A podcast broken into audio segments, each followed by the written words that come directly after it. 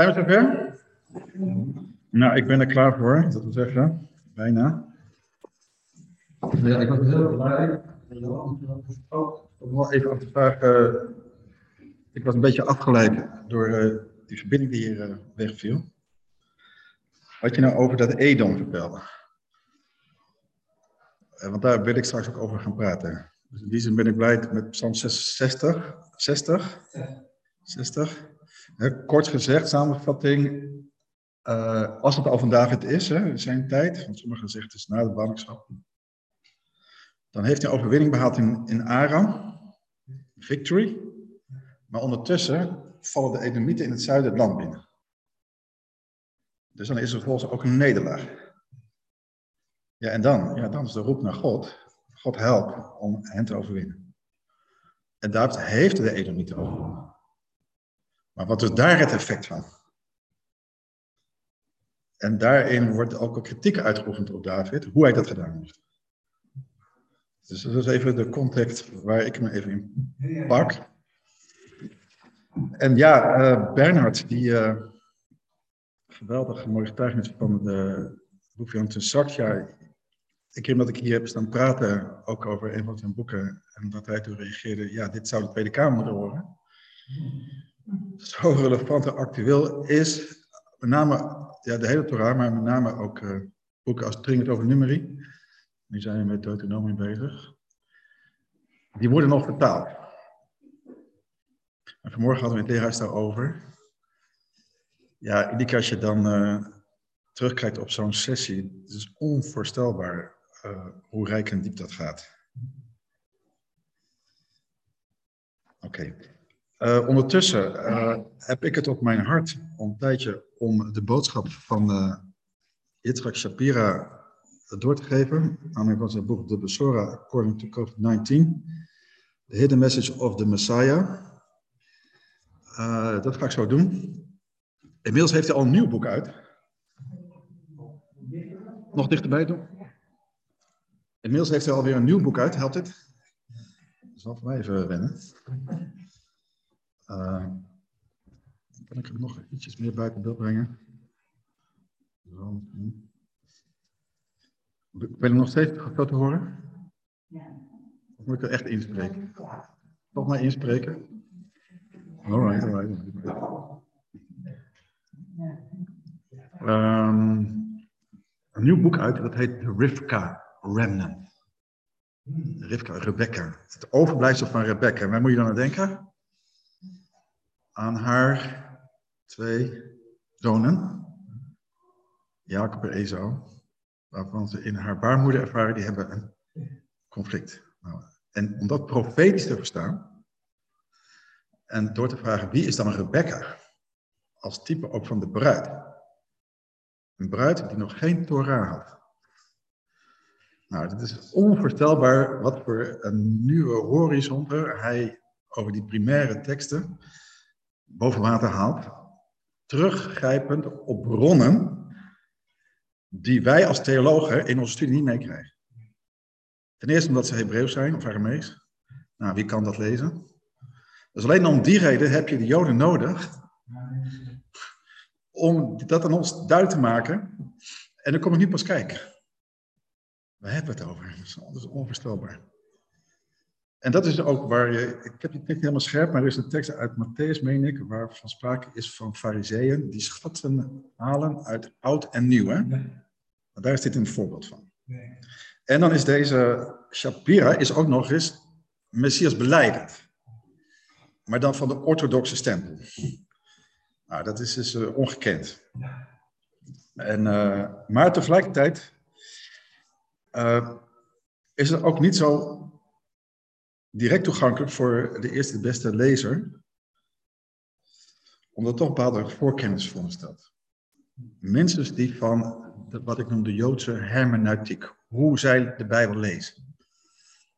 En dan de gangbare uitleg daarvan is ja, in eerste instantie lees je die op het gezicht. De letterlijke tekst. Die blijft primair. Maar daarnaast hebben ze iets wat ze noemen midrash. En Midrash zoomt in op woorden, verbinding tussen woorden, letters en zelfs omkeringen van letters. Nou, en dan kom je, ja, vaak is het, denk je, hoe komen ze erbij? Het is vaak heel speculatief. Dus je moet ermee uitkijken. Maar goed toegepast, komen daar dingen naar boven. denk je van, wow, waarom heeft niemand dit maar eerder verteld? Waarom heeft niemand dit eerder gezien? Nou, en daar is deze, dit vanmiddag een proefje, een voorproefje van. En ik ben bemoedigd, doordat hij in zijn, dat nieuwste boek, de Rivka Remnant, daar ook mee begint. Om dat eerst uit te leggen. Want ik, ik volg een uh, boekbespreking van een aantal mensen in Nederland, die, uh, waar we dan online ook dit boek bespreken. En ik weet dat die inmiddels uh, vertaald gaat worden. Maar dat heb ik ook gezegd, je moet wel een soort leeswijze meegeven bij dat boek, om dit te kunnen pakken. Nou, en ik vind het dus grappig om bij de auteur zelf te merken dat hij dat in zijn nieuwste boek feitelijk zelf doet. Um, ja, nou oké. Uh, ja, dit wou ik nog zeggen, want in zijn, in zijn inleiding, in, want het boek is nog maar recent gelanceerd, Rivka Remnant, zegt hij ook dat als hij het allemaal overnieuw zou mogen doen, dan zou hij met het laatste beginnen. Vervolgens zou hij de bezoren aanreiken en dan daarna het boek wat hij daarvoor heeft geschreven, The Return of the Kosher Pig. Dus in de omgekeerde volgorde. Dus mocht je nog aan het beginnen. Helaas is dat zijn de boeken heel moeizaam, moeizaam verkrijgbaar in Nederland. Want tenzij je heel veel portokorten wil betalen. Ik heb een adres in Nederland die dat in bemiddelt. Maar je kunt het wel op e-book downloaden. Op een, via je Amazon-account. Dan heb je een, ja, naar alle drie. Dan heb je een digitale versie. Oké, okay, dat vooraf. Um,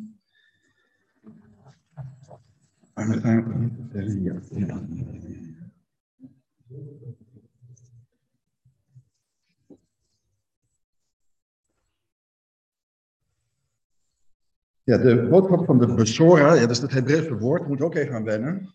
Maar het, het is niet altijd een woord voor evangelie of in het Engels gospel. Het, het, evangelie, ja, en dan zit ik altijd met het woordje according. Hoe moet je dat vertalen? Volgens, of in overeenstemming met.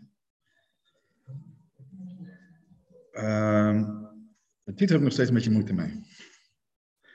Maar waar het om gaat is, hij heeft naar aanleiding van de COVID-19-pandemie, uh, ziet hij toch duidelijk als een oordeel over de naties inclusief Israël, voor het niet verzoenen van de naties en van Israël met de Zoon van God.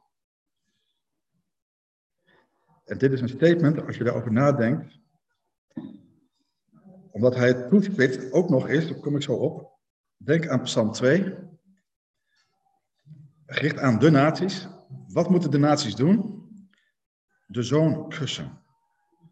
Wat zeg je daarmee? Dat de naties moeten aanvaarden dat hij inderdaad is wie hij is. De Messias. Stel je voor. Het gaat erom dat we die realiteit proclameren. En gaan doordenken wat dat werkelijk betekent. En vervolgens wat voor werk eruit komt. De sociale afstand en het onvermogen om fysiek naar buiten te gaan, corona, is een periode van grote voorbereiding en reiniging. Voordat de Messias voor onze deur verschijnt, spoedig in onze dagen. Zoals de Joden zeggen. Vooral als een mogelijkheid of kans of gelegenheid van God wegen om dichter bij de vervulling van zijn plan te komen. Hoe God het gebruikt voor zijn plan. De respons van de naties zal de lengte van de pandemie bepalen. Dan wel nog nieuwe ramp. Jona 1, vers 4. Weet je met je hoofd? De Heere wierp een hevige wind op de zee. Er ontstond een zware storm op de zee, zodat het schip dreigde te breken. Die grote wind, wat vertegenwoordigde die wind? Was die van God? Die vertegenwoordigde iets dodelijks en destructiefs. Voor de hele wereld vergelijkbaar met COVID-19-virus. Want het ging om dat God een doel had, dat Jona terugkeerde. Hoe ver gaat God, hè? Om tot zijn doel te komen. En dan beseft Shapira dat dit dan inderdaad controversieel kan klinken allemaal. Als hij vervolgens verwijst naar Jesaja 45 vers 7. Dat moet begrepen, waaruit begrepen moet worden dat God zelf uiteindelijk de bron is van COVID-19. Het staat daar, God zegt, ik formeer het licht en, en schep de duisternis. Ik maak de vrede en schep het onheil. Ik, Jehovah, doe al deze dingen.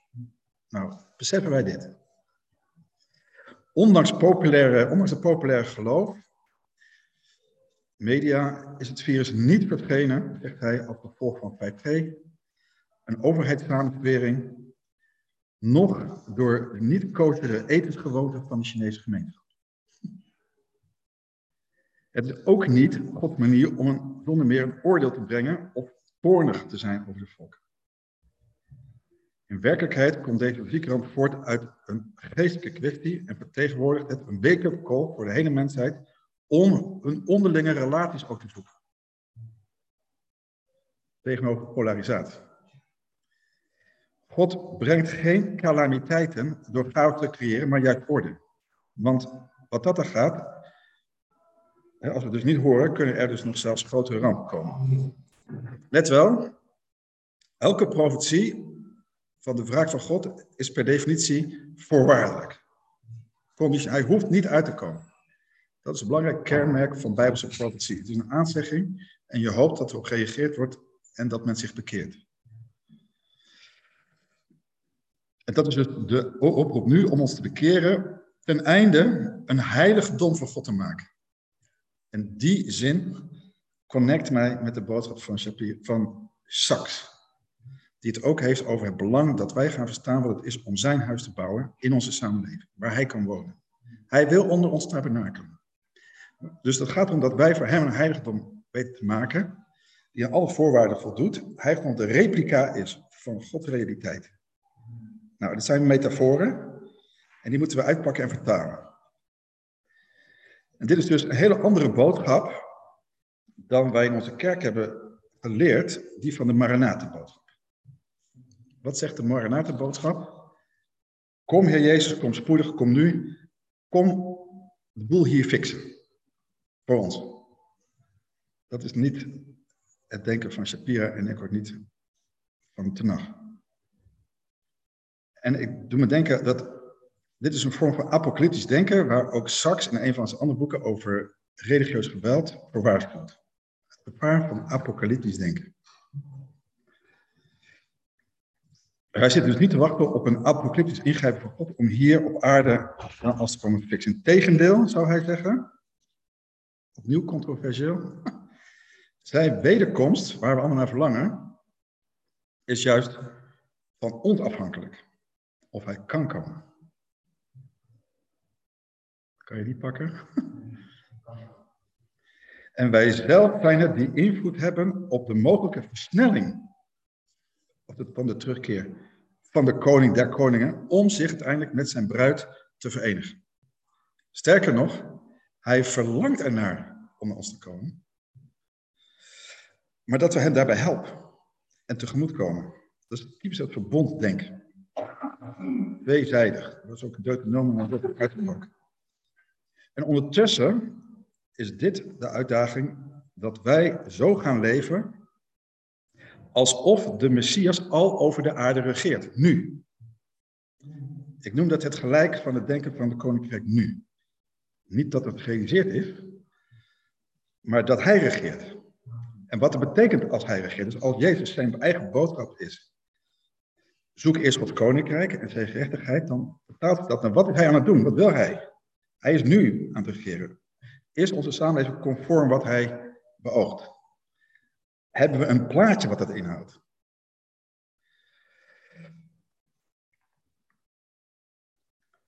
dus het verkrijgen van de visie van de uiteindelijke verlossing vereist bepaalde verwachtingen en voorbereidingen van ons allemaal. Hebben wij, wat is onze verwachting?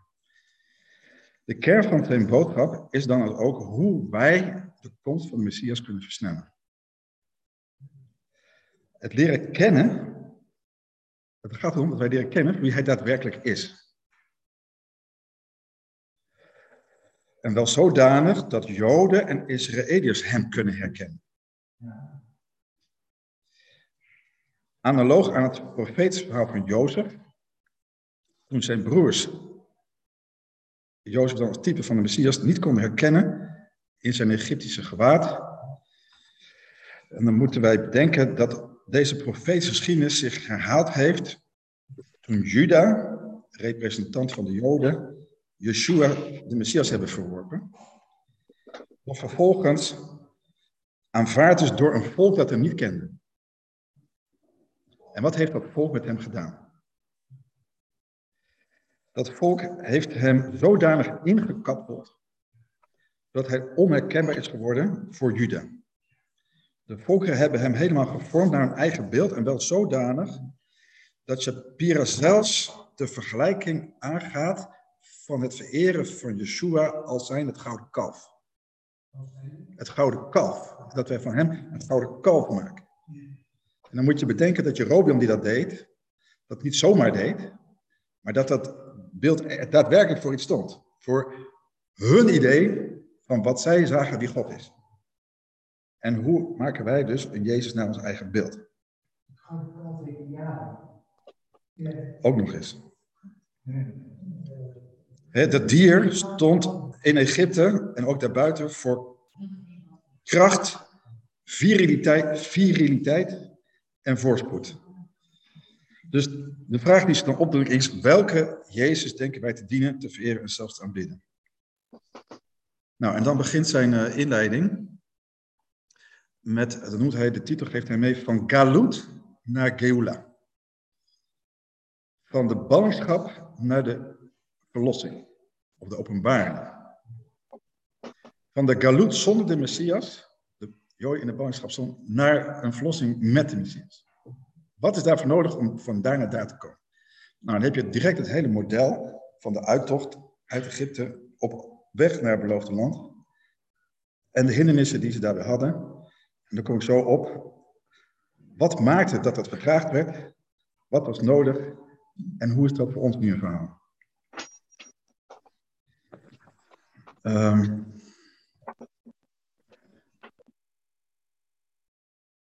en die mogelijkheid om dat te bereiken zal afhangen van ons vermogen om te strijden te. Zijn wij klaar voor de strijd? Hebben wij de juiste tools? Hebben we onze wapentuig? Hebben we als gereed? dat proces is het proces van barensweeën. Gaat niet zomaar. Hosea 13, vers 13. Barensweeën zullen hem overkomen. Hosea dat, is dus, dat gaat over de profetie over het Noord, Noordrijk. Hè? Hij is een kind zonder verstand. Ephraim, hè? Als het zijn tijd is, toont hij zich niet. Wanneer de schoten voor kinderen ontfluit. Dus is een hele wrange vergelijking. Maar ook Jesaja 37, vers 3, zij zei tegen hem, dit zegt Hiskia, deze dag is een dag van benauwdheid, bestraffing en belediging. Ja, de kinderen staan op het punt geboren te worden, maar er is geen kracht om te baren. Dus daarmee zinspeelt Shapiro op de mogelijkheid en de wens om de pijn van die weeën te verkorten. Oftewel, om te komen tot een verzachting van het oordeel. En wat is eigenlijk kort gezegd zijn roep? Als je dan ontvanger bent, harder pech. Zodat de verlossing, de geboorte echt tot stand kan komen. Nogmaals, de algemene vuistregel over verwoesting is niet dat we worden vervuld. We zijn afhankelijk van ons beshoefa. Maar hoe langer we ermee wachten, hoe langer het orde zal duren. Dan spreekt hij over een blauwdruk die we kunnen volgen om de stappen te volgen, de stappen te maken die ons zullen leiden naar de ontmoeting met hem. En er is een traktaat uit de Talmud, het heet erin, waar sprake, waar gebed is, hè, dat als het aankomt, de Messias zal vandaag wel kunnen komen Als wij maar naar zijn stem zouden luisteren. Psalm 95, vers 7. Heden, indien u zijn stem hoort, verhard uw hart niet. Maar dat veronderstelt dat we hem kunnen aanvaarden als de ware vader. Jeremia 31, zie, wat is mogelijk? Zie, ik doe hen komen uit het land van het noorden. Ik zal hen bijeenbrengen van de uithoeken van de aarde. Onder hen zijn blinden en verlamden, zwangeren en barenden met elkaar. Met een grote menigte zullen zij hierheen terugkomen. Dus dat visioen, dat is er. Het is mogelijk, luisteren naar zijn stem. Dan komt je over die curse zoon, als een formule voor de naties om een strenger oordeel te voorkomen. En dus een oproep dus om te breken wat we al 2000 jaar gedaan hebben, is zijn volk remerciëren. David waarschuwt de naties in zijn dagen al, dus de zoon, opdat hij niet toornig wordt en u onderweg omkomt, wanneer zijn toorn slecht even ontbrandt. Welzalig allen die tot hem de vlucht nemen. En dan komt hij te spreken opnieuw over het huis wat we moeten bouwen, die tabernakel. Net zoals John Tessak, Exodus 25, die beschrijft dan de gereedschap wat we nodig Want, het, heb ik dat ook hier eerder bij stilgestaan, na de drang met het gouden kalf, van die generatie die God op zo'n bovennatuurlijke wijze had meegemaakt, wat kon God nog beginnen? Wat moest hij nog met? En wat hij doet, is zichzelf aan het werk zetten door zijn, bij zijn eigen verantwoordelijkheid. Door beroep te doen op hun eigen gaven en talenten. Hun gereedschap. En dan zoomt het in op Bezaliel. En dan gaat het vervolgens, wat maakt Bezaliel Bezaliel dat hij die tabernakel, als wat daarvoor nodig was, heeft kunnen maken. Dat zijn bepaalde gaven en talenten die afhankelijk zijn van ook vervuld zijn van Gods Heilige Geest. Als voorwaarde om te kunnen bouwen aan zijn huis.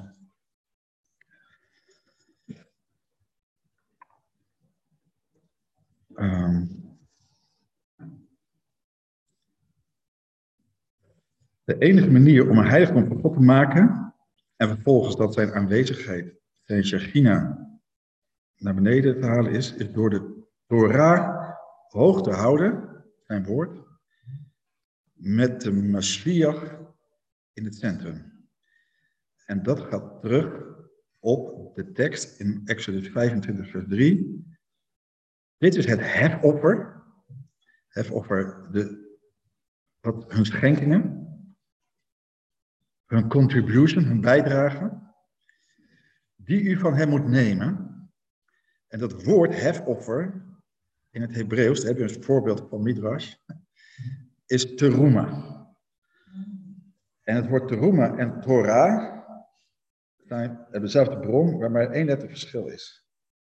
Wat het letter van verschil? Is de M. En de M van de Messias.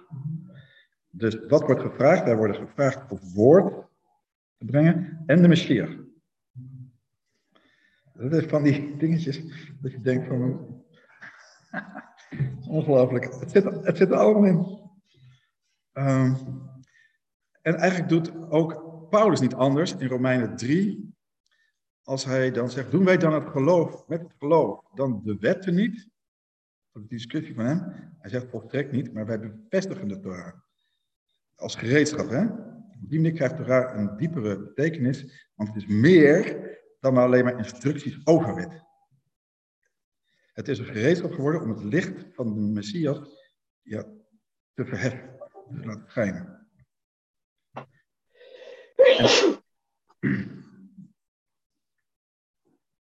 De Torah plus Messias aan de wereld brengen.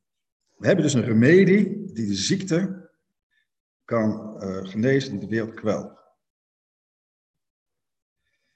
En we kunnen de zaken snel omdraaien en de, en de rommel die we hebben gecreëerd oplossen. Want, zegt Jesaja 53, vers 4, voorwaar, onze ziekte heeft hij op zich genomen, onze smarten heeft hij gedragen. Wij hielden hem echter voor een geplaagde, door God geslagen en verdrukt. Dus zie op hem. Zie op hem, overigens is ook het motto van de VPE op dit moment. Een nieuw visiedocument, zie op Jezus. Maar diezelfde Jezus, als je aan de Joden vraagt, waar is de Messias? Dan is er een beroemd traktaat, opnieuw van hetzelfde Sanhedrin uit het Talmud, die zegt, die melaat waar we het net over hadden, waar is die? De geplaagde, hij is bij de melaat. En de melaatse van het huis Rabbi is zijn naam, zoals gezegd, is inderdaad heeft hij onze ziekte gedragen, onze pijn doorstaan, doch achten we hem gekwetst. Door God te slagen en kweld. En dan een paar versen lezen we dan ook de volgende belofte. Want hebben we dat scherp, we weten, dit beeld kennen we van Jesaja 50, en kennen we ook het volgende. Hij zal nagedacht Hij zal de dagen verlengen. Het welbehagen van Jehovah zal door zijn hand voorspoedig zijn. Hij zal verzadigd worden. Ik zal hem veel toedelen en machtigen zal hij verdelen als buiten. Ook dat staat er. Dus er is victory in diezelfde Milaan. En het woord van gekweld zijn in het Hebreeuws is nagua, wat ook besmet kan betekenen heb je het aspect van melaats besmet zijn door een virus. Net als dat van COVID-19. Waarom zou een gekwelde, besmette, leidende dienaar voorspoed worden beloofd? Want als je de letters dan van het woord herschikt, krijg je het woord oneg, wat betekent verrukking. Dan heb je dus weer zo'n twist in het Hebreeuwse woord, wat dan een andere context wil zeggen dat zelfs deze aandoening uiteindelijk in een genoegen verandert. Maar aangezien het priesters niet is toegestaan zich te verontreinigen, en dus met melaats in contact te komen, hebben we een probleem. Zij kunnen zich niet ophouden bij graven, lijken of melaten. En zo'n melaten, van wie is die dan afhankelijk? Niet van geestelijke priesters, maar van vrienden. Die hem zelf dan naar de priester brengen voor een keuring en een reinigingsritueel. En daar is ook iets bijzonders over te leren, over dat reinigingsritueel. En dan heb je Leviticus 14. Dit is de wet voor de Melaten, de Messias. Op de dag van zijn reiniging, hij moet naar de priester gebracht worden gaf Mozes Israël en de volken een duidelijk beeld van de enting van de Messias in het huis van Israël. Behalve dat we stappen in de voetstappen van de authentieke Yeshua uh, moeten maken, dienen we ons als bruid ook zodanig voor te bereiden dat we met het oog op de grote bruiloft de juiste kleding aan hebben. Om de inspectie van de hoge priester te doorstaan. Als wij ons lichaam gaan inzetten als levende stenen bij het bouwen van zijn huis, zijn tabernakel. Dus het gaat erom dat wij als levende stenen bij de bouw van een huis wel eens door het reinigingsritueel heen moeten gaan, door de inspectie van de hoge priester, ook wie Yeshua ook vertegenwoordigt.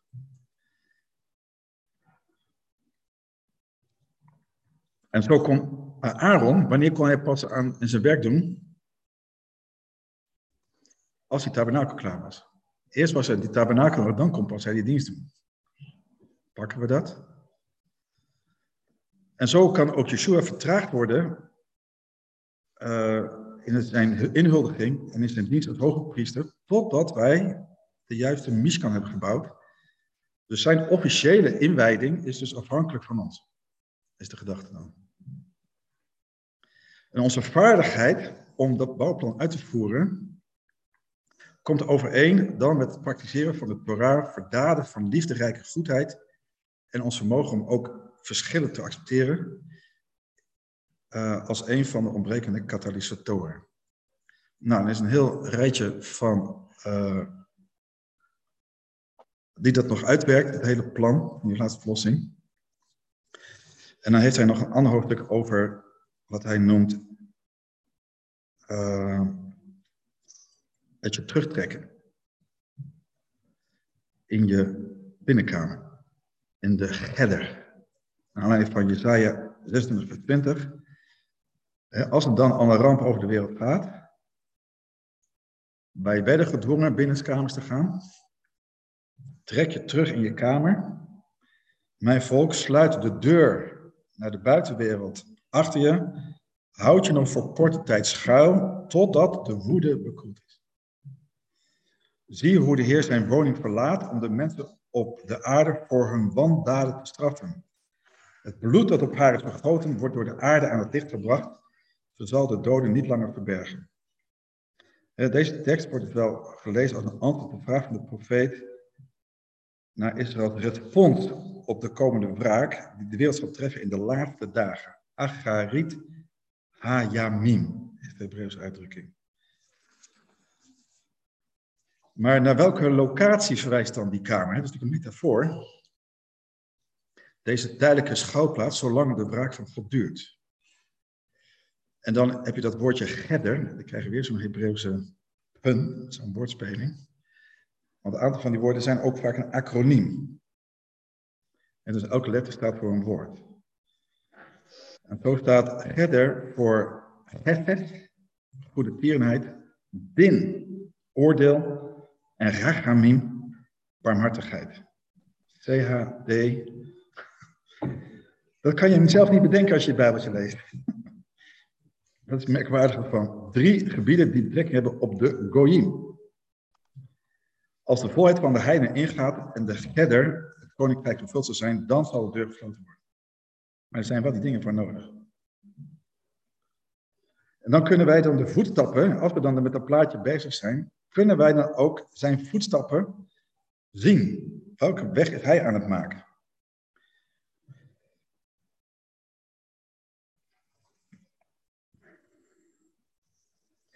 Op dit moment van de geschiedenis wordt het gewicht van het huis van Israël licht op de schouders van de natie. En hun vermogen om zich bij Abraham aan te sluiten in die reis. Het Joodse volk kan de Messias niet verwelkomen zonder de natie. Pakken we dat. Dan zijn het toevluchtsorden.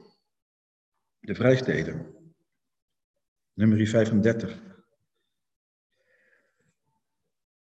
Wat hij toepast, want er is ook weer een, weer een, een of andere tekst uit de Talmud, die dan zegt dat ook in de toekomst, voordat de man van oorlog, de man of war in het Engels, terugkomt ten oordeel, en aan wie moet je dan denken? Welke teksten? Met name, dan komt die tekst uit Jezaja 53.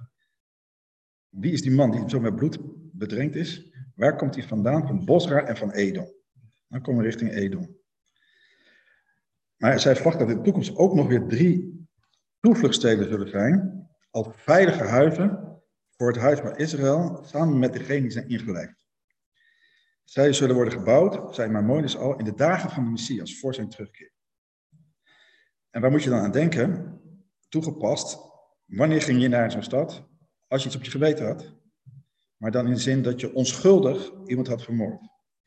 En heeft niet de hele mensheid de Messias in zijn onwetendheid gedood, genegeerd, afgewezen. Dus hebben wij die vluchtstad nodig. Maar waarom hebben we ze dan nodig in de tijd van de Messias? Zegt Jesaja 2, vers 4 niet dat dan de zwaarden zullen omgesmeed worden tot ploegscharen? Het, gaat dus, het doel is dus het vestigen van een geestelijke stad om een veilige weg te bouwen voor de natie om te ontsnappen aan de toorn die over de oude stad zal worden losgelaten. Deze stad zal dan dienen als een remedie en veiligheid tegen de bloedbraak. Nikmatdam. De zonde van de moord die hier wordt genoemd, kan via de Midrash opnieuw begrepen worden als een verwijzing naar de tragische moord op het beeld van Yeshua, dat gemaakt, dat gedaan is binnen het christendom. En er is een bepaalde term voor die ze daarvoor gebruiken. De klipot. Klipot is een soort omhulsel wat je maakt rondom een beeld. Waardoor het verduisterd wordt. De natie zegt hij, net op, de woordspeling. Wij hebben misschien Jezus Christus ontvangen. Maar in het proces hebben ze Yeshua HaMashiach vermoord. Hoor je wat ik zeg? Wat hij zegt? Ja, geestelijk. Het heet gevangenisleer. Maar, maar ook de broers van Jozef, zij hadden, zij pleegden eigenlijk de grootste zonde van moord in de menselijke geschiedenis. Genesis 27, vers 31. Toen namen, let de tekst, let op. Toen namen zij het gewaad van Jozef. Wat deden ze ermee? Ze slachten een geitenbok en dompelden het gewaad in het bloed. Ook wat ze gedaan hebben. En die broers nou voor de volkeren ook. De toekomstige bloedbraak zal plaatsvinden, tenzij de natie snel de toevluchtsoord, de reddingsboei, kunnen binnengaan. Maar wat was de reactie van Jacob toen hij dat hoorde van zijn zonen?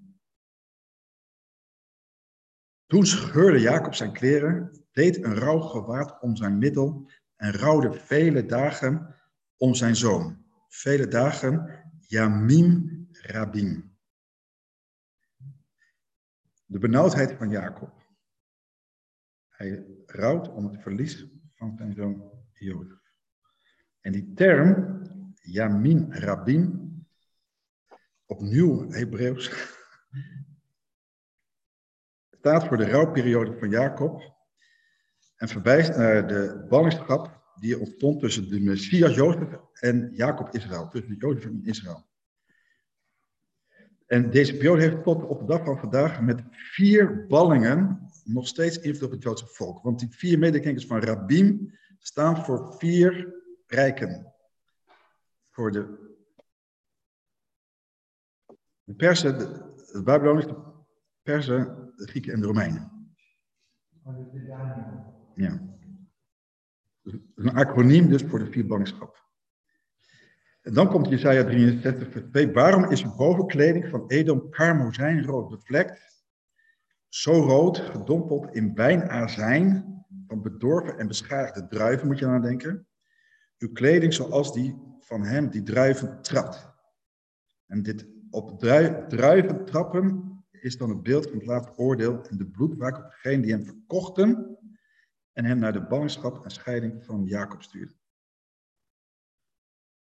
En dan is het grote mandaat dat we hebben, wat ons mandaat is om die brug te bouwen, die breed genoeg is om de harten van miljoenen voor te bereiden om over te steken naar de nieuwe stad door een echte bekering van het hart van een vernieuwd Jodendom en een nieuw christendom. Nou, en terwille van de tijd ga ik het toch inkorten. Ik denk dat ik slaan woord ben. Dit verhaal kun je ook op een van mijn blog teruglezen. Uh, maar hier wil ik nog maar eindigen. Het stuk over de berg Seir. Deuteronomie 1 vers 1, waar begint het verhaal van Mozes mee. Hij blikt terug waar we vandaan kwamen op weg naar beloofd land. En daar ligt de vraag, waarom zijn we er nog niet? Het had zoveel sneller kunnen gaan. Had een kwestie van 13 dagen kunnen zijn. Wat maakte dat ze tegen werden gehouden?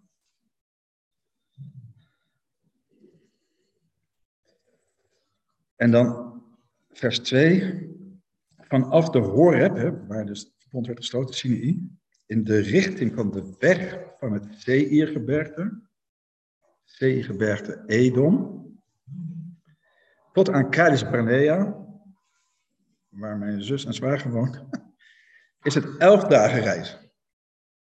Normaliter. En nummer 10, vers 33, heeft het over drie dag reizen zelfs. Ze hadden echter geen idee hoe dicht zij bij de volledige verlossing aan de andere kant van Jordaan waren. De verovering had slechts weken hoeven duren in plaats van jaren. Er was echt een obstakel. Berg haar Zeir. De weg van de berg Zeir. Ze moesten door de berg Zeir om Kades te bereiken in plaats van er gewoon langs te gaan. En waar staat Edom dan voor, of metafoor? Zij staat voor de kwade inclination, neiging, die bestond bij de kinderen van Israël. De neiging tot kwade, tot dispuut, tot ruzie, tot oneenigheden. Ze liepen naar het land Israël, de stad van toevlucht, Maar er was geen overtuiging of geen overtuigend doel, doel in hun wandeling. Wisten niet waar ze heen gingen. Geen plaatje. Omdat ze geen visie hadden op waar ze waren en het doel dat God voor hen had om het land binnen te gaan. Als een, als een land geen visie heeft.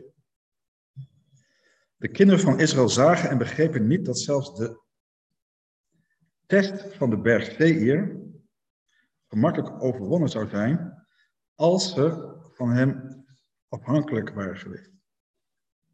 De verlossing kan worden bespoedigd als velen ervoor kiezen om, het, om op het pad van de Shechina te reizen in plaats van op een eigen pad. En dan, als je dat doet, dan zul je ook merken dat God van de andere kant jou tegemoet komt en helpt. Er is hulp vanuit de hemel. Dan ga je merken en zien en meemaken. Dan gaat de wegen voor je openen. De kinderen van Israël die groepen waren om de vaten van de kracht van de geest te zijn, waren eenvoudigweg niet klaar om vol te zijn met de Heilige Geest. Hun beslissing dus om rond die berg te gaan, in plaats van er doorheen, vertelt ons dat ze niet wilden omgaan met de innerlijke kwesties die hen tot een voertuig van eer hadden kunnen maken, waardig om Gods huis, het land Israël, binnen te gaan. God wil dat elke gelovige zijn of haar, jouw eigen Esau, Esau overwint om in je volheid te komen.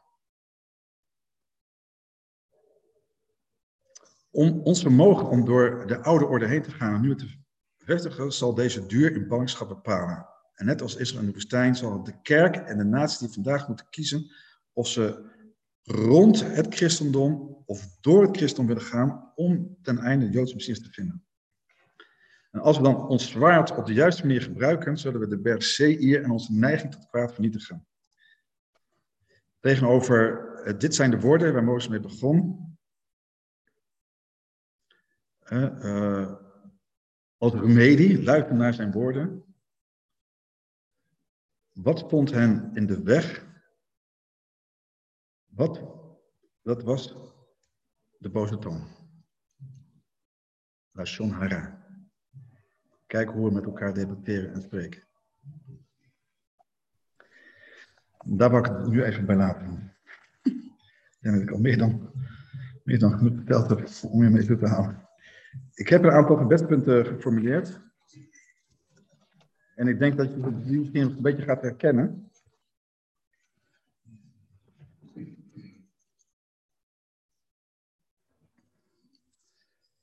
Uh, ja, ik zal het mij dan ook voor uh, mag even voorlezen. Waarbij is de eerste vraag is, kunnen wij ook dankbaar zijn voor COVID-19 als van hemzelf? Het doel dat hij dan heeft, hè, dat wij ons keren en een heiligdom van gebouwd, dat hij ons kan wonen. En dat, we, dat dan belangrijk is dat we ons leven mogen leven op op Messias op aarde regeert. Om visie te krijgen op de uiteindelijke verlossing. Door onze verwachtingen daaraan uh, te overeenstemming te laten komen. En vervolgens ook onze voorbereidingen gaan treffen, zodat wij zijn komst kunnen versnellen. Door tevens te stoppen met naar God te kijken voor een opname, zodat Hij onze problemen kan oplossen. Daarbij is het van belang dat wij leren al zijn voetstappen te horen, door onze focus niet te leggen op datums en tijden, maar eerder op het bouwen aan een, aan de snelweg van het koninkrijk. Dat is gebedspunt 1. Kunnen we daarin meestemmen? Ik dat vragen op?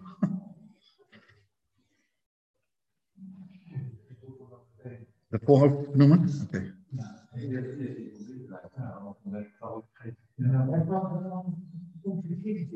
Ja, volgende punt, punt 2.